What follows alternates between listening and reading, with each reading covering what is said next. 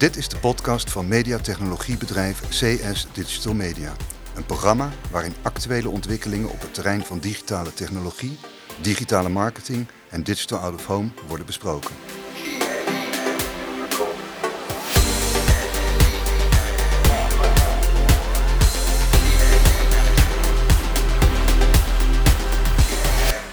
Dames en heren, beste luisteraars, welkom allemaal bij een podcast van uh, CS Digital Media Showroom nummer 15. En persoonlijk vind ik dit een van de leukste, want we hebben een AMA case geworden, of AMA Award geworden moet ik zeggen natuurlijk. Uh, vandaag bij mij aan tafel uh, Willem de Wierik, laat je horen. Hallo, hallo. Jorik Blonk. Hallo. Zarin van Ophem. Hallo, hallo. Dus het halve sales team hier aan tafel. was het een mooi feestje jongens?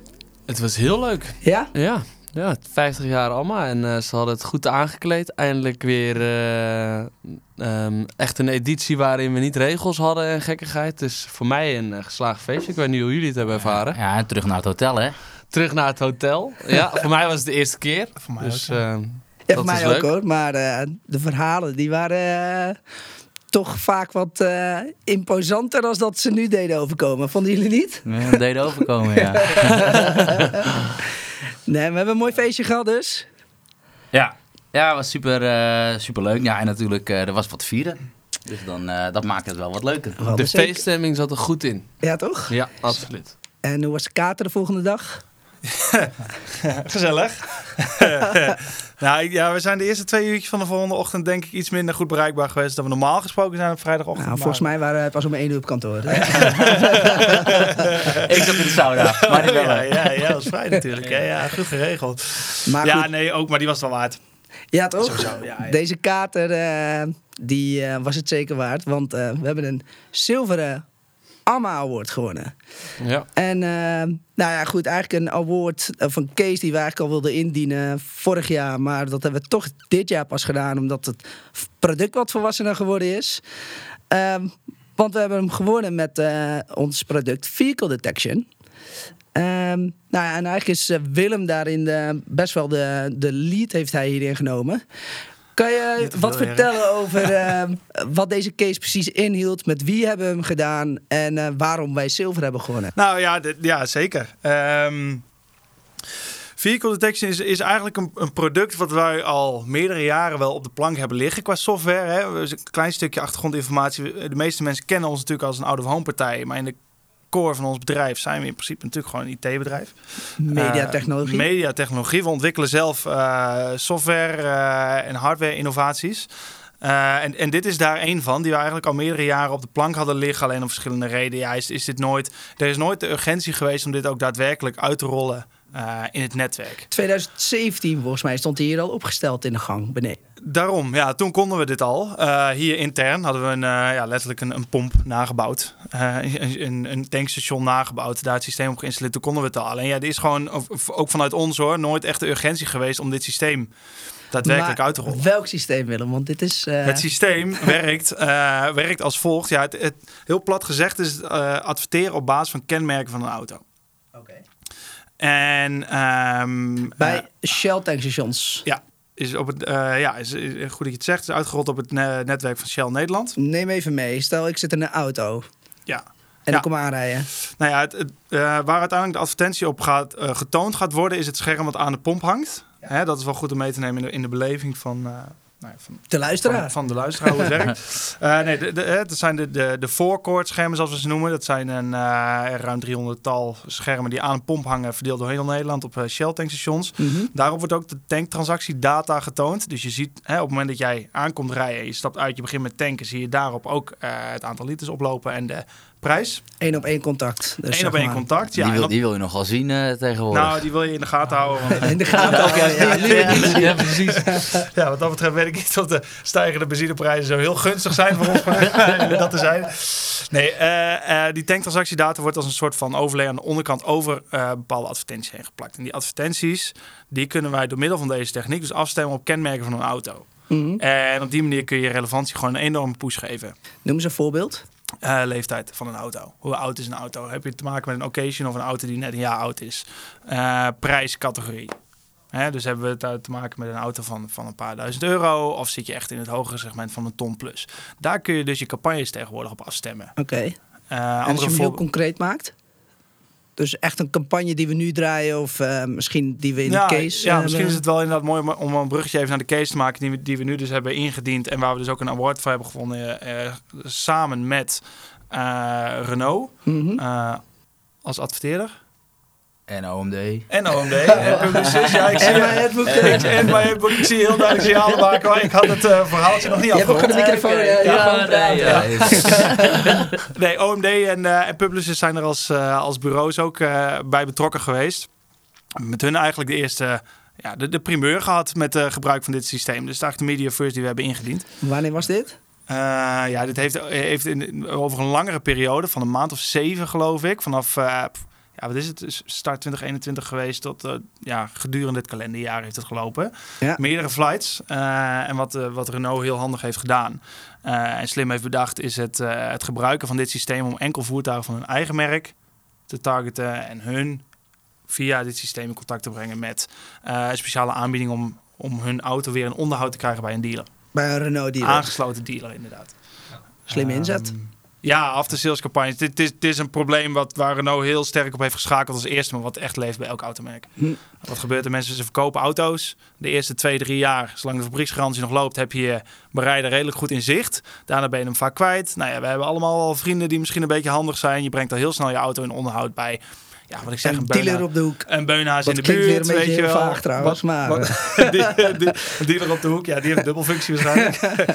Een Nee. autodealer op de hoek. Een zeg maar, autodealer ja. op de hoek. Ehm, en voor heel veel automerken is het, is het een probleem dat je bent die doelgroep kwijt. Ja. Terwijl je daar natuurlijk ook gewoon een servicecontract aan kunt verkopen. En het is misschien naast de verkoop van nieuwe modellen wel de allerbelangrijkste omzetstroom van. eh, Oké. Eh, Jork, wat is het grootste voordeel van deze inzet versus eh, gewoon een awareness campagne op, deze, de, op dit netwerk? Nou, dat is dus het ding. Kijk, een Renault-rijder die vind je ook wel eh, als je gewoon iedere, iedere keer in, in, de, in de loop, hè, zoals je dat in Out of Home zegt, vertoont. Dus Mhm. als jij iedere 90 seconden zichtbaar bent, dan, dan zul je een Renault-rijder die tankt bij Shell ook bereiken. Alleen het nadeel daarbij is dat nou, het aan- aandeel van alle weggebruikers wat Renault rijdt, dat is... Nou, hoeveel procent, Willem? Dat Ja, weet jij misschien wel. het zit- zit tussen de 5 en 10 procent. Nou, tussen de 5 en de 10 procent. Dus dat betekent dat je tussen de, tussen de 90 en de 95 procent waste hebt. Ja. En eigenlijk door deze manier je campagne in te richten, ja, minimali- minimaliseer je dat. Waardoor je je, je geld veel effectiever eh, kan inzetten. En, eh, en zo dus uiteindelijk veel goedkoper uit bent. En eh, veel langer zichtbaar kan zijn. En eh, daardoor ook meer eh, auto's binnen jouw doelgroep kan bereiken. Ja.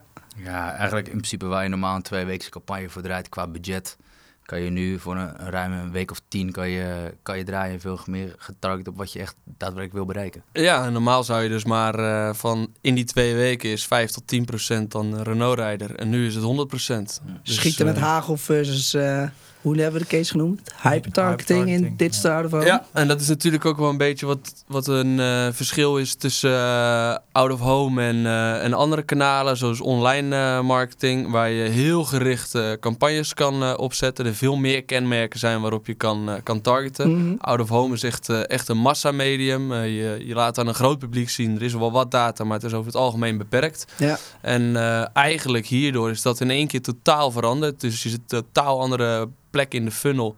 En je kan je campagne ook op een andere manier eh, gaan Ja. inrichten. Op Ah, welke je- manier sluit het nu echt aan op, eh, op online inzetten dan? Want je hypertargeting dit komt natuurlijk wel vanuit online. Eh, wat je net zegt, niet vanuit outdoor. Nou, het is eigenlijk een, je hebt min of meer een, eh, een forced exposure met een één op één contact. En online is natuurlijk meer één op één. Ja, out of home is one too many. Mhm. Eh, en doordat eigenlijk, zoals we net al zeiden, iedereen wil zien hoeveel liter zit er nu in mijn tank, eh, word je min of meer geforceerd om daadwerkelijk ook naar het scherm te kijken. Maar dan ook nog dat je weet wat voor auto ervoor staat. Ook nog. Ja, Ja. dus dat maakt hem eh, meer richting online. Maar ik bedoel meer... Ah, je richt- houdt wel een beetje de context van wat je in, in out of home is het vaak gaat het om context. Hè? Waar, waar ben je, wat ben je aan het doen? Het, eh, dat zijn eh, voorwaarden die, die, die belangrijk zijn. Ehm, en, en dat behoud je op deze manier. Ja, Eh, dus er is context, maar het is ook nog eens in het juiste omveld. Dus Ja. ook nog eens de juiste persoon weet je ermee eh, mee te bereiken. Mhm. En dat versterkt het natuurlijk wel heel erg. En als we het hebben over uh, afrekenmodellen? Ik zag het al. Ja. Ja, uh, ja, voor vehicle detection rekent net even wat anders af dan uh, doorgaans out of home, waar dat vroeger nog een vlaktarief was, is het gelukkig steeds meer CPM. Mm -hmm. uh, en vehicle detection gaat naar een CPP model. Ja. En dat staat voor kost per playout. En een playout wordt alleen maar gerealiseerd wanneer er ook daadwerkelijk een voertuig aan de pomp staat die voldoet aan de criteria die je als adverteerder hebt gesteld. Ja. En daar wordt ook op afgerekend. Dus echt per play, dus niet meer per duizend uh, uh, contacten. Nee, te, te, en dan heb je, en in de meeste oude home heb je natuurlijk OTS, -hmm. DOTS. Hè, dan heb je het ook nog steeds alleen maar over een kans dat je gezien wordt. Uh, nee, dat sluiten we hierbij ook uit, vanwege wat ze net ook al zei, de, de forced exposure. Ja. Dus je gaat echt naar ja, een, een kost per contact eigenlijk. Weesbesparing is het gewoon echt. Ja, het zit, het, zit op, het zit op twee vlakken inderdaad. Je hebt enerzijds heb je hè, je efficiëntie, daar hebben we het net al even over gehad. Dus dat je met hetzelfde bedrag een veel langere periode door kan uh, op, op doelgroep. En gericht op de doelgroep die en je wil gericht bereiken. op je doelgroep.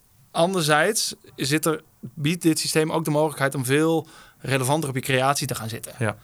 En die is denk ik ook wel heel erg belangrijk om te gaan noemen. Je kunt binnen je eigen campagne kun je natuurlijk heel veel verschil. Je zou bij wijze van spreken, stel dat jij een, een, een, een, een nieuw model auto op de markt brengt, mm -hmm. zou jij elke rode auto een nieuw rood model kunnen laten zien. Ja. En elke blauwe auto. Want daar kan je gewoon echt op targeten dus. Ja, en zo kun je dus eigenlijk allemaal groepjes gaan opbouwen binnen je doelgroep. En die kun je een aparte uh, creatie laten zien. Dus hè, enerzijds cost efficiency, maar aan de andere kant ook de relevantie van je boodschap kun je echt heel makkelijk vergroten. Ja. Ja, dat is personalisatie en het een stukje herkenning. Als jij een rode auto uh, ziet staan op het scherm en je rijdt een rode auto. Nou, jij vindt rood blijkbaar een mooie kleur, anders koop je geen rode auto. Mm -hmm. Dan wordt die auto op dat scherm ook weer een stuk aantrekkelijker. Ja. Hey, uh, ik hoor heel veel auto, auto, auto. Uh, ook logisch, want het is natuurlijk een auto die getarget wordt. Waardoor je dus heel snel automatisch denkt aan automerken, autodealers. Um, wat zijn nog meer mogelijkheden of uh, adverteerders waar we aan kunnen denken... waarvoor dit heel interessant kan zijn? Kan nou, je daar wat over zeggen, Zarin? Ja, dat kan ik wel. Nee, um, wij dachten zelf in het begin ook veel meer aan auto's. En dat is dus eigenlijk wel, wel grappig om te zien. We doen het nu een jaartje of anderhalf. Nou, in het begin waren het alleen maar automerken waar we dit ook eigenlijk zelf aan het pitchen waren. Um, makkelijkste haakje, zeg maar. Makkelijkste haakje, ja. Waar wij vroeger nou ja, op ons Shell-netwerk misschien één of twee autocampagnes draaiden. Zijn dat er nu gemiddeld nou ja, acht tot tien die doorlopend een campagne hebben draaien. Always on. Dat is een beetje always on laag. Maar ja, goed, dan uh, ben je binnen de markt ben je aan het... Uh, aan het inventariseren bij wat voor campagnes en merken nog meer kan. En dan kom je bijvoorbeeld ook op, uh, op een karwei. Uh, waarom? Ja, witte busjes, want die kan je ook targeten. En daarmee doe je dan wel de aanname dat de witte busjes wat meer de werklui is. Ja. Um, dus daar draai je best wel wat, uh, wat campagnes op. Of bijvoorbeeld HP, um, die heeft een hele zakelijke laptop.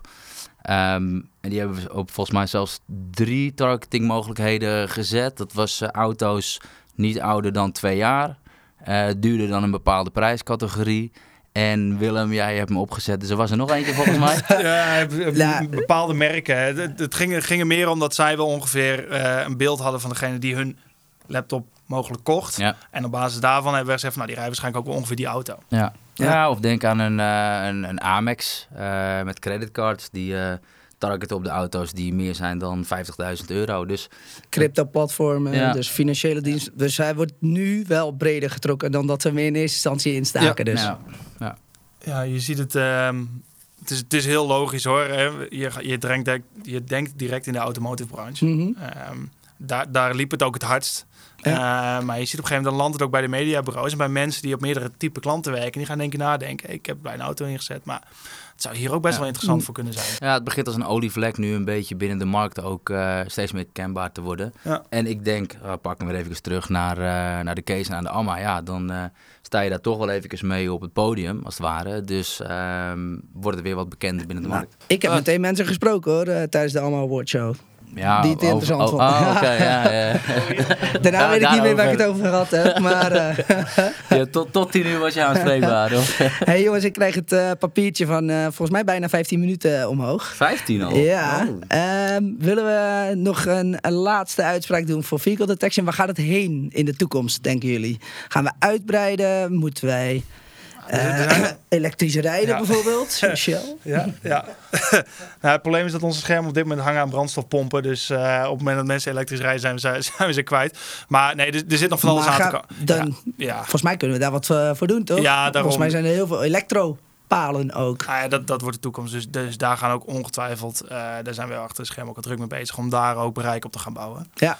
Eh, plus er zijn ook nog wel eh, veel meer features die toegevoegd kunnen worden. We- De illustratie, we kunnen op dit moment nog niet targeten op modellen van auto's. Staat wel op de roadmap, toch? Die staat wel op de roadmap. Eh, ja, heeft te maken met het feit dat er duizenden verschillende modellen zijn. Dus het kost wat meer tijd om dat te bouwen. Mhm. Maar dat zijn simpele kleine dingen die we nog kunnen toevoegen. redelijk korte termijn. Ja. om het product beter te maken. Oké. Jongens, thanks. Ehm, speciaal dank ook aan eh, OMD, Renault, Publicis, Maatboeker en natuurlijk CS Digital Media. En Shell, waar het, eh, waar het netwerk hangt. Ehm, dank voor jullie aandacht. Jullie bedankt voor jullie komst. En eh, tot de volgende ronde. Dit was de podcast van CS Digital Media. De uitzending is terug te beluisteren op CSDM Online, op de social media kanalen van CSDM, maar ook op acht audioplatforms, waaronder iTunes, Spotify en SoundCloud. De CSDM podcast is een productie van CS Digital Media. De mix en master worden verzorgd door Young Ruby Music. Music. Music.